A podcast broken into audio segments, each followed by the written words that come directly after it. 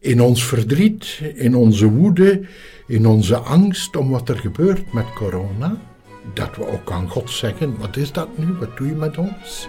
Laat je ons in de steek? Ben je ons aan het straffen voor onze verkeerde manier van leven? En dan God die zegt: nee, nee, ik blijf bij jullie als een kind.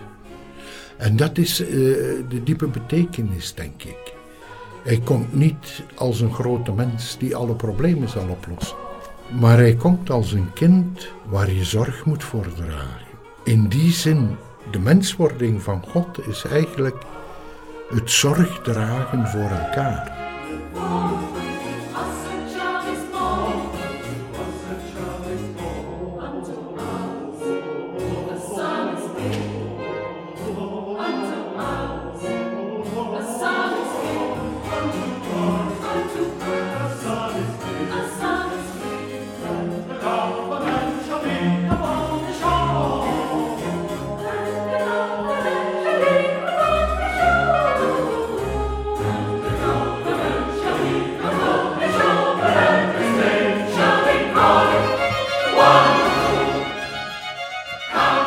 Leuk dat je luistert. Welkom bij Gesprekken, een podcast van Bidden Onderweg. Mijn naam is Rick Timmermans en ik ga in gesprek met mensen over christelijke spiritualiteit en over thema's die langskomen in de podcastmeditaties van Bidden Onderweg. Voor deze aflevering sprak ik met Toon Vies. De wijze en warme stem van deze Vlaamse Jezuïet brengt ons gemakkelijk bij het mysterie van kerst. Voor Toon heeft spreken over God alleen maar zin als de woorden aansluiten bij onze ervaringen. Het gesprek ging dan ook veel minder over het kerstkind dat 2000 jaar geleden geboren werd, aangekondigd door een engelenkoor. Maar hoe wordt God geboren in onze wereld, in ons leven?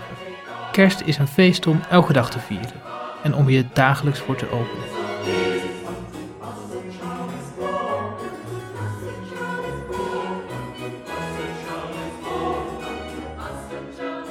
Beste Toon, welkom. Als we het hebben over kerst, wat uh, komt dan als eerste bij u op? Dat begint met, bij mijn kinderjaren, hè? Dat, uh, waar we kerst vierden thuis. Dat was een intiem feest. Er werden geen cadeautjes gegeven bij ons. Ah, nee, bij, ons ook niet. Nee, zeker niet. Uh, en het was wel lekker eten. Nu, mijn moeder kookte altijd lekker. dus in die zin was het al heel het jaar door kerstmaaltijd. maar het, het, had een heel gelovige sfeer ook. De verwelkoming van Jezus in ons leven. Dat, daar werd nadruk op gelegd. Uh, zo heb ik het ervaren.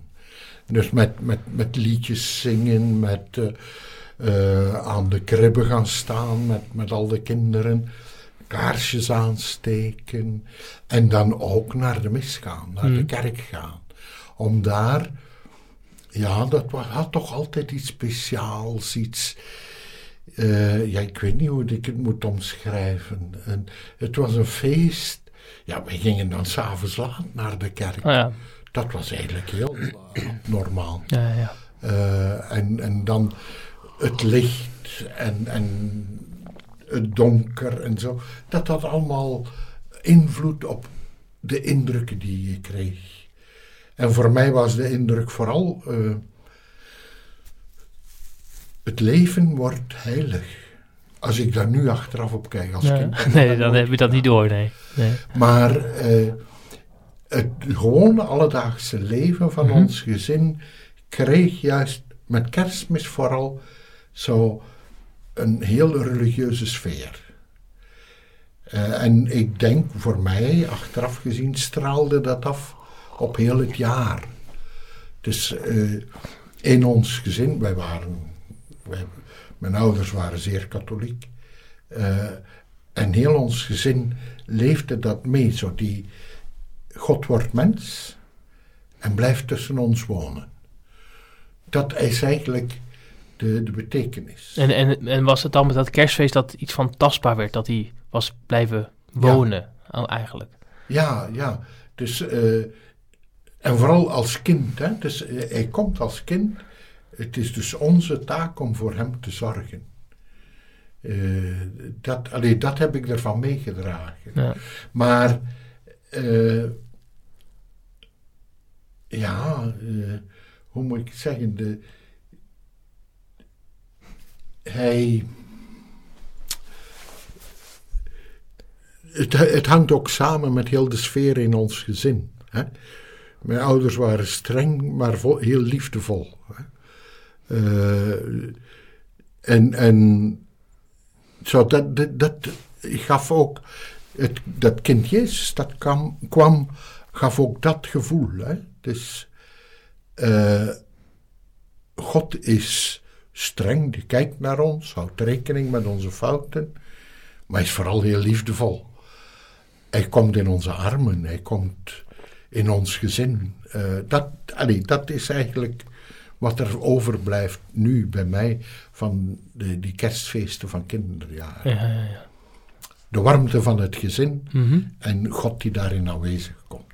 Ja. En het, het gezin, om even daarop eh, in te zoomen. Uw ouders die leven niet meer. Eh, uw broers en zussen nog wel, of tenminste Ja, sommige daarvan. Er zijn er al drie overleden en dat is de vierde, de oudste, is nu ook heel ziek. Heeft het dan ook iets... eh, die herinnering is natuurlijk heel mooi, en in zekere zin zoet.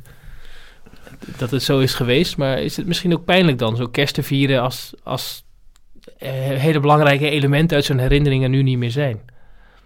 Ja, dat speelt altijd mee, elk jaar. Eh, omdat wij zijn een heel hechte familie gebleven.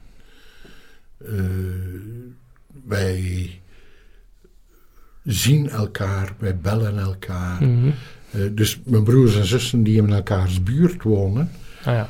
voor de coronatijd, kwamen die twee keer per week samen, degenen die tijd hadden, voor een kop koffie. Ja. En om wat te kletsen. Hè. De, eh, maar nu moeten ze dat ook een stuk missen.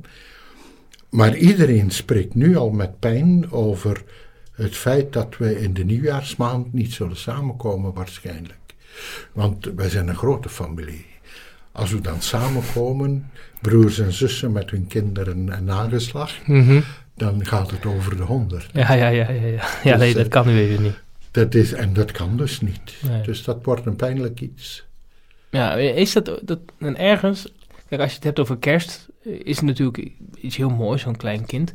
Maar de pijn is ook nooit echt ver weg, omdat hij Nee. ook midden in ons leven komt natuurlijk. Ja. Maakt dat deze, ja, dit kerstfeest, kunnen we daardoor, door het gemis en de afstand en, en, het, en het lijden in zekere zin dat we hebben doorgestaan dit jaar, ook zeg maar massaal als mensheid, maakt dat het kerstfeest misschien ook realistischer of, of misschien hoopvoller? Of?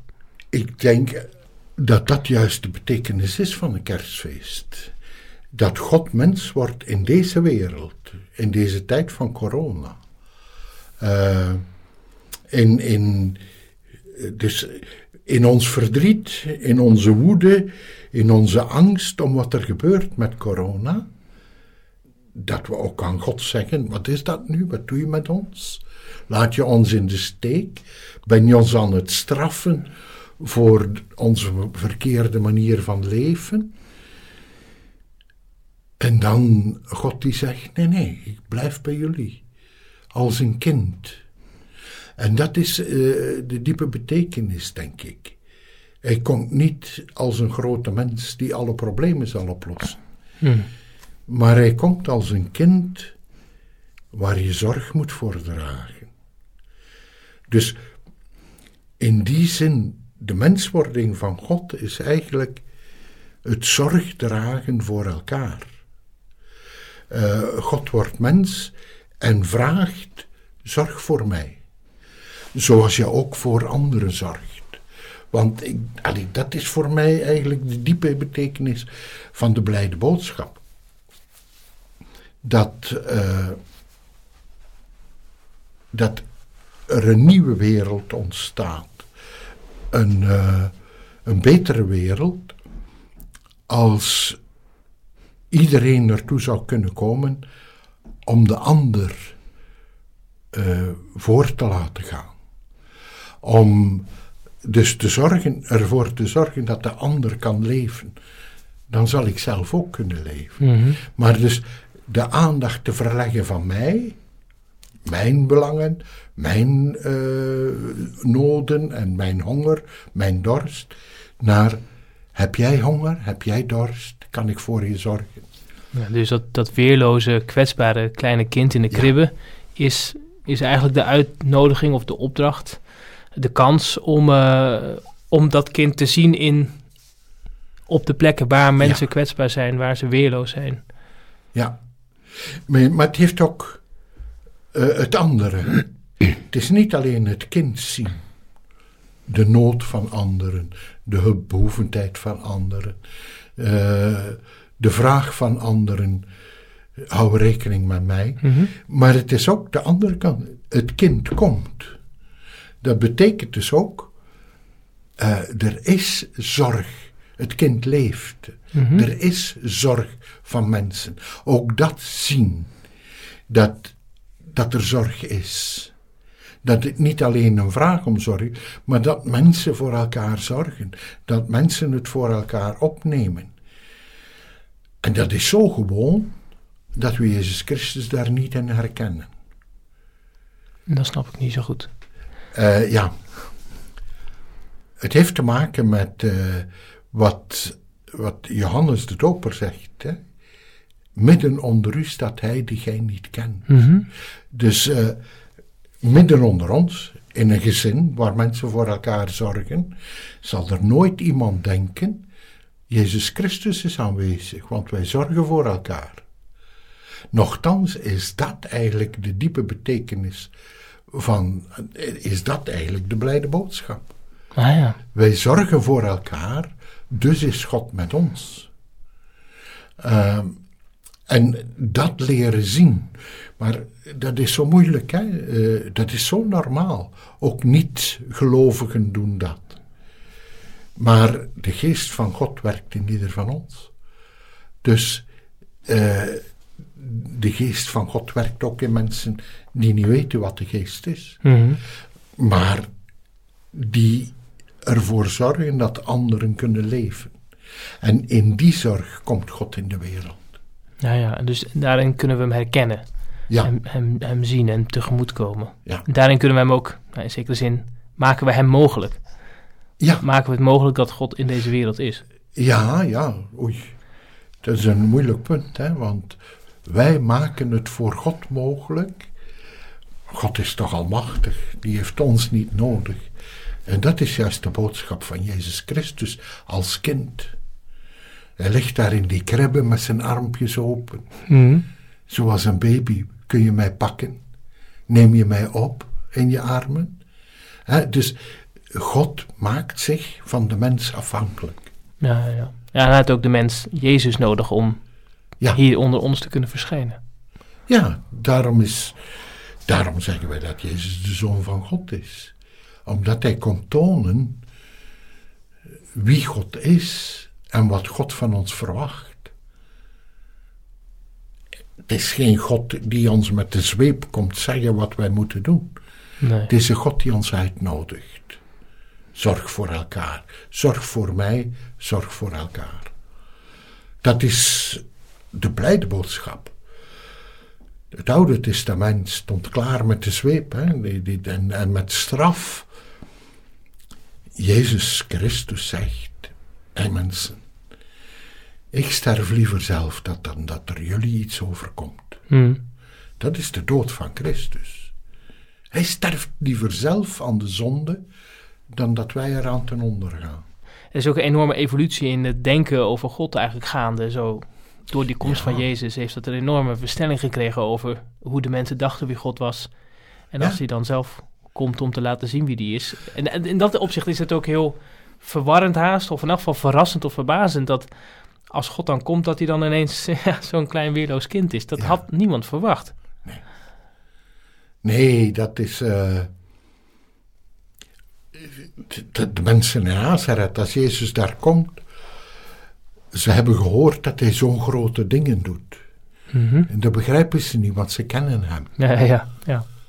De, hij heeft hier tussen ons geleefd. Goed, hij was een, iemand alleen met, met een goed karakter en zo, waarschijnlijk. Hè? Maar dat hij grote dingen doet, nee. Hij was maar gewoon, iemand van ons. Ja. En dat is denk ik de blijde boodschap van, van kerstmis. We kunnen allemaal op God gelijken. Eh, we kunnen allemaal boodschappers zijn van het licht. Namelijk dat als je naar elkaar kijkt en van elkaar houdt, dat deze wereld anders wordt. Ja, er is één ding, er, er komt nu voor de tweede keer terug. En dat is misschien goed om eventjes bij stil te staan. Want als je het kerstverhaal leest, wat mij opviel.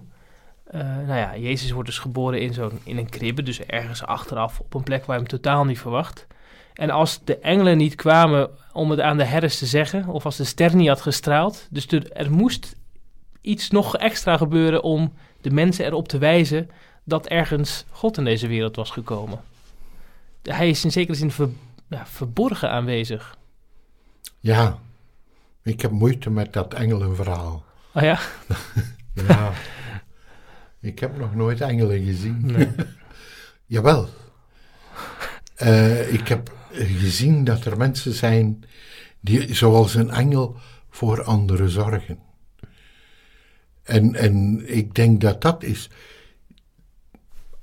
Ik weet het niet hoe- wat er gebeurd is toen, maar in mijn verbeelding hebben die, die herders gezien dat in hun stal een kind geboren Ja, ja, is. En die hebben gezegd, we gaan ervoor zorgen. We gaan zorgen dat ze eten en drinken hebben, die mensen. Zoals heel veel mensen doen als ze mensen in nood zien. Ze nemen het op voor hen. Eh, de maatschappij niet. De maatschappij zegt vluchtelingen moeten aan de grens blijven staan. Maar als er vluchtelingen tot hier doordringen, dan zijn er altijd mensen die het voor hen opnemen. En dan zingen de engelen ook, denk Ja. ik. Maar dan Heer aan God ja, in de precies. en vrede aan de mensen van goede wil. Ik denk dat dat altijd gebeurt als er zoiets is. En, en dat voel je aan je eigen hart. Als mensen voor elkaar zorgen, voel je blijheid in je hart. Mhm. En ik denk dat dat de vreugde van kerstmis is. Ja, die herders hadden natuurlijk geen idee wie dat was. Nee, nee, nee. Nee, Maar er is nog een engel in dit verhaal. Die, ja, die Maria komt zeggen dat ze zwanger is. ja, ja. Wat, wat moeten we met dat? Want als we dan toch bezig zijn met, met die verhalen. wat is dat voor verhaal? Dat er een engel komt die zegt tegen Maria: Je zult zwanger worden, eh, de, de geest zal over je komen. Maria zegt: Ja, maar goed, ik, ik, we hebben geen gemeenschap gehad met een man. Waar, waar, waar, waar luisteren we naar? Waar kijken we naar? Weer hetzelfde. Ik weet niet wat er precies gebeurd is. Maar als ik zie hoe dan een roeping loopt vandaag, hoe iemand geroepen wordt om iets te doen, om een beroep te leren, om priester te worden, om religieus te worden, om vader of moeder van kinderen te worden. Want als je zwanger raakt, weet je niet wat je te wachten staat. Nee, dat is zo, ja. En de vraag is: je hebt oh, vol blijdschap gezegd, wij zijn zwanger. Maar blijf je ja zeggen wat er ook gebeurt? En ik denk dat dat de boodschap van de engel is. Dat Maria altijd ja gezegd heeft, wat er ook gebeurt. Tot onder het kruis en tot na de verrijzenis. En met de leerlingen in de kerk. Dus de eerste leerlingen, heeft ze ja blijven zeggen tegen haar zoon. Ik denk dat dat de boodschap van de engel is. Eh, ik loop natuurlijk langs heel wat dogma's langs. ja. Maar dogma's proberen in een wetenschappelijke manier toch iets te zeggen over wat het voor een mens betekent. Maar ik denk dat het geloofsverhaal het belangrijkste blijft. Namelijk dat een vrouw ervaren heeft dat zij kon meewerken aan dat heilsplan van God. Dat langs het Joodse volk tot de mensheid zou komen. En dat die vrouw ja gezegd heeft daartegen. En dat ze heel haar leven in dienst gesteld heeft van dat, eh, eh, van die betekenis, van het heil dat God brengt in deze wereld. Maar ik denk dat in die zin Maria voor ons een voorbeeld is. Veel vrouwen doen dat, veel mannen doen dat. Ze voelen een, een roeping, een drang om hun leven in dienst te stellen van anderen. En ze blijven dat volhouden tot, tot aan hun dood. En dat is juist uh, het ja van Maria, dat ook in de mensen aanwezig is. Ook dat is niet heel uitzonderlijk. Mhm. Dat is deel van het mens zijn. En juist dat wordt door de boodschap van de engel aan Maria heilig verklaard in iedere mens. Ja, ja, ja. Ja, ja ik heb het dus gehoord, het, het verhaal van hè, het begin van het verhaal bij Maria met de engel en, en dat Maria de maagd is. Dat, dat in de geboorte van Jezus, dat het geen gynaecologisch verslag is. En dat we dat ook niet op die manier moeten lezen. Nee. Nee, eh, Dat het in de eerste instantie ook eerder iets zegt over Jezus dan over, ja. over Maria. Wel, het zegt over Maria, die bereidheid om Ja, om ja te zeggen. Maar ik vind dat het ons niet aangaat of zij maagd is of niet. Dat vraag je ook niet aan iemand nu. nee. Ik vind het echt eh, een inbreuk op de privacy van Maria. Eh, ik geloof erin, ja, dat zij maagd was. Namelijk dat zij tegen God altijd ja zegt. Eh, en dat ze zich niet heeft laten verleiden tot dingen die met God niks te maken hebben. Wat niks zegt over seksualiteit of zo. Nee, het heeft een bepaalde zuiverheid. Ja, een, een, een leven zuiver voor God. Ja. Zo beschouw ik Maria. Wat dat met dat dogma te maken heeft van de maagdelijkheid, namelijk dat Maria altijd ja zegt. Het is nu vreemd om te zeggen, maar het seksleven van Maria gaat mij niet aan. Nee, ik snap het helemaal. Ja, eh, nadenkend over kerst en wat er dan gebeurt als... Wat er dan gebeurt, dat God een, een klein kind wordt, dat zich zo aan ons... Nou ja, het, het dringt zich dus ook niet aan ons op. Hè, Dat was misschien eerder de verwachting van mensen. Dat, eh, ook als je het beeld van God in het Oude Testament zo nu en dan leest... Dat je denkt, nou, als God dan komt, dan, dan zal hij ons onder zijn gezag dwingen. Maar daar heeft het helemaal niks mee te maken. Hè? Het is echt ook een feest van eh, de menselijke waardigheid en de menselijke vrijheid en, en respect. Wij worden volledig vrijgelaten om, nou ja, in zekere zin volledig vrijgelaten. Want als er zo'n weerloos kind ligt, ben je niet meer Nee. helemaal vrij. Er wordt een appel juist, gedaan op. ja. Ja. Dat is eh, juist de uitnodiging zoals Maria bij de engel de uitnodiging kreeg. Wil je voor dat kind zorgen? Ja. Eh, zo krijgen wij dezelfde uitnodiging. En God is- kent onze zwakke kant. Hè? Ja. Eh, wij worden vertederd door een baby. Dus als hij als baby komt, zal hij ook vertederd ontvangen worden. Maar dat blijft niet zo. Als een mens opgroeit, dan vergeten we dat het een kind is, dat het een baby is. En eh, dan eh, behandelen we die zoals we eigenlijk zelf vaak niet behandeld willen worden. Dus eh, we aanvaarden niet meer. We vinden het te gewoon wat hij doet. Het heeft niks goddelijks. Nochtans is ieder, iedere mens een beeld van God. Ja. En eh, dat is wat met Jezus gebeurt. Hij is te gewoon en zegt toch vreemde dingen. En dat kunnen de mensen niet samenbrengen.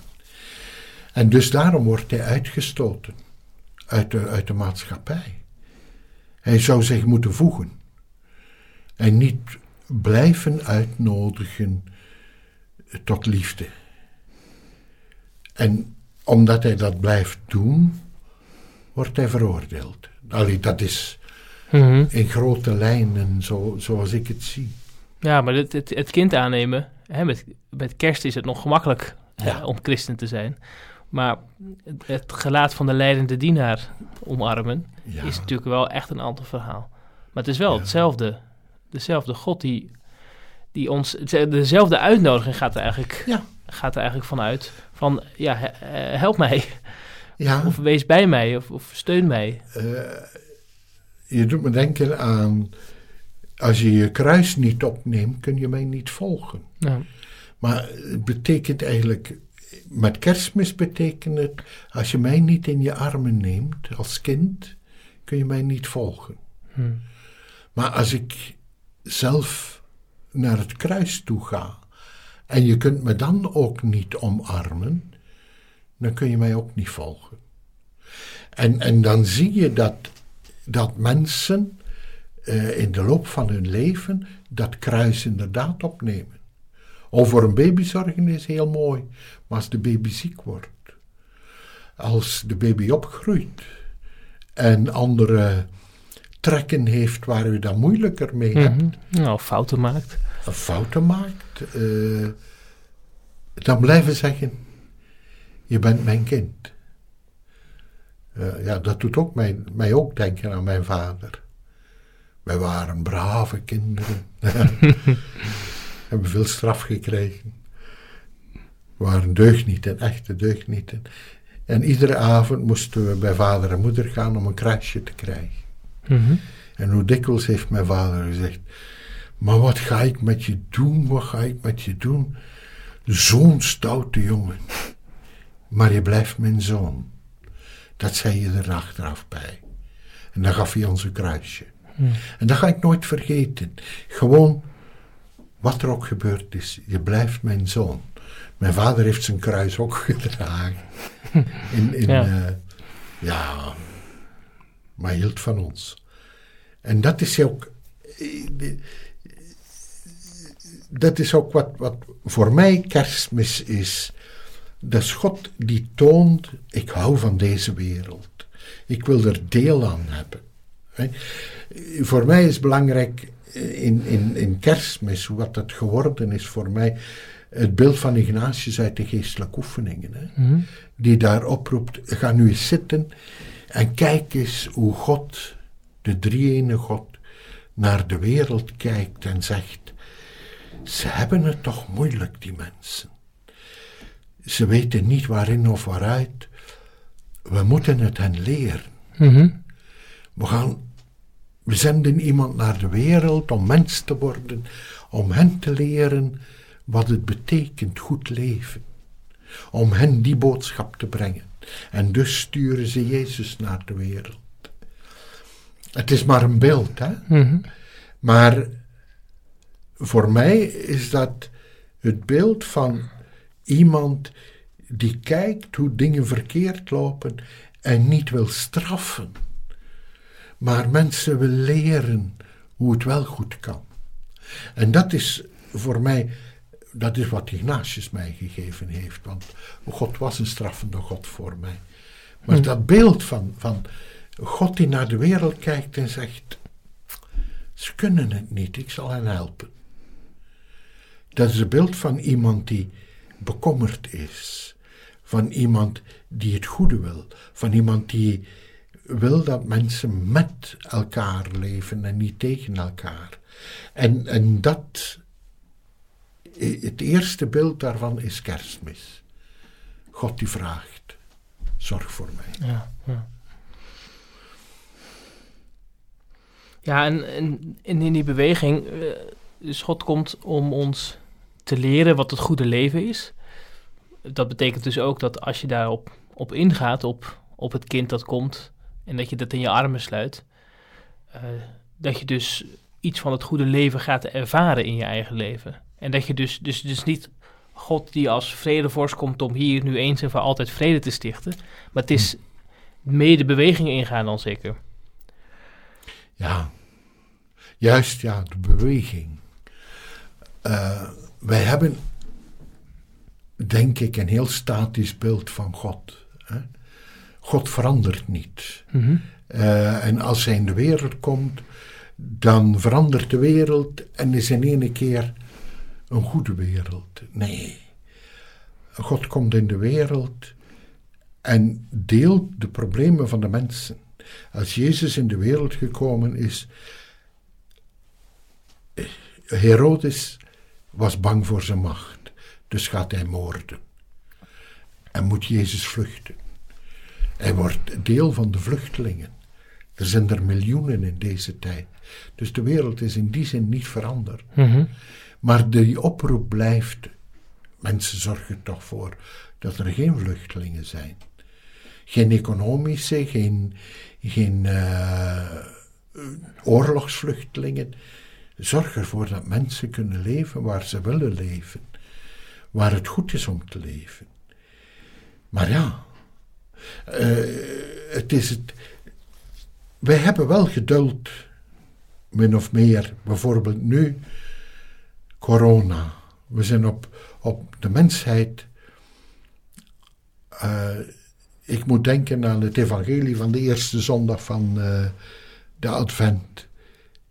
Wees waakzaam, zegt Jezus, wees waakzaam. En als je kijkt naar deze wereld, de wereld is waakzaam. Er is een nieuw probleem. Er is een virus. Dat op negen maanden tijd 260 miljoen mensen besmet. En eh, ik weet niet hoeveel doden precies. Mhm. Maar het is een dodelijk virus. En de wereld wordt waakzaam. Heel de wereld doet een inspanning om een vaccin te ontwikkelen. En we wachten daar geduldig op. Eigenlijk zijn we ook daar in de advent. Dat God zal tussenkomen en ons zal verlossen van dat virus. Maar verlossen is niet een vingerknip en dan is het gebeurd. Verlossen is een proces, iets dat je moet doorgaan en waardoor je zelf een stuk verandert.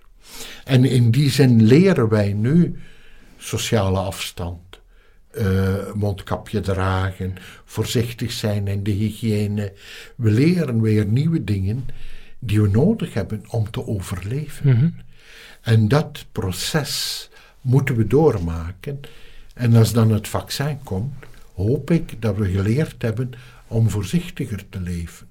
Om met meer verstand om te gaan met elkaar. Eh, en, en dat is voor mij de komst van God in de wereld. Dat de mensheid op die manier verandert. Dat de mensheid heel langzaam leert. Hey, als je het doet op de manier van God, dan is het een beter leven. Dan kunnen we overleven. En dat is hetzelfde met heel de ecologie. Eh, wij zouden graag hebben dat morgen de wereld niet meer opwarmt. Ja, Maar daarvoor moeten wij leren ons leven veranderen. ja. En, en dat is een proces. En dat, dat vind ik het fijne van eh, Paus Franciscus, die ons daar telkens weer op wijst. Mensen, blijf daar aandacht voor hebben. Mensen, dat is een deel van de blijde boodschap. Dat God op aarde komt om ons te leren ecologisch te leven. Dat, en dat, vind, dat hoort bij het kerstmis ook. Ja, ja. Dus het kerstfeest is in die zin ook het feest van, eigenlijk het feest van de mogelijkmaking van bekering, van, van, van Ja. omkeer. Van ommekeer. Ja. ja. Maar dat betekent wel dat het, het is niet iets, eigenlijk zou je dat niet alleen op 25 december moeten vieren. Want kerst is eigenlijk een feest dan, want hè, die woorden die Johannes eraan geeft, het, het woord is vlees geworden. Ja. Ja, kijk, Jezus komt niet meer als, als baby opnieuw, zo, hè, als 2000 jaar geleden. Maar het woord kan natuurlijk nog elke dag in ons mensen Mens vlees worden. worden. Ja. Ja. Ja, en ik denk dat zo'n crisistijd als nu, met, met dat coronavirus, ons echt uitnodigt. Hè. Eh, eh, Het is. Mensen worden in die zin weer kinderen, hè. worden kwetsbaar en broos. En moet, mo- er moet zorg voor gedragen worden. En we dragen er zorg voor. Goed, we hebben die zorg professioneel aan mensen gegeven die zich daarvoor inzetten. En zij zetten zich in met lijf en leden. Hè? Dus eh, sommigen gaan er ook aan ten onder. Hè?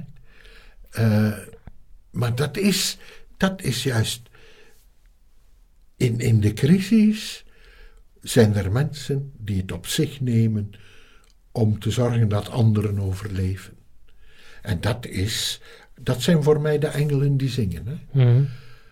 Eer aan God in den hoge en vrede op aarde aan de mensen van goede wil. En dat zijn die mensen van goede wil. Die het opnemen voor anderen. En dat is in heel de geschiedenis gebeurt dat.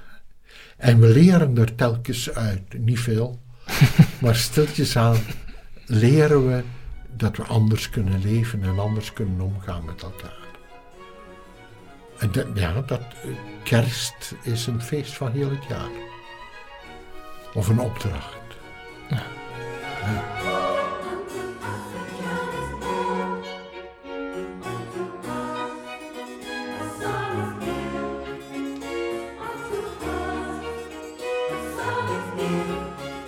Heb je genoten van dit gesprek?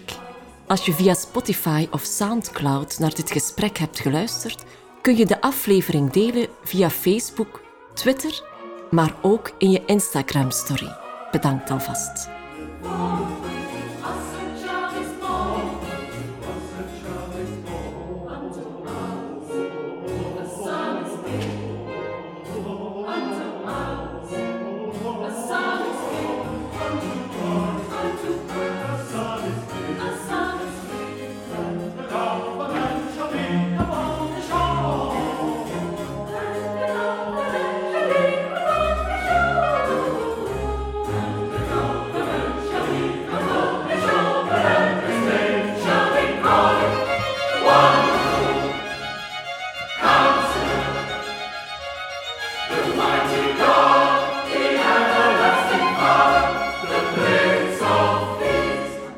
Bidden onderweg is een gebedspodcast.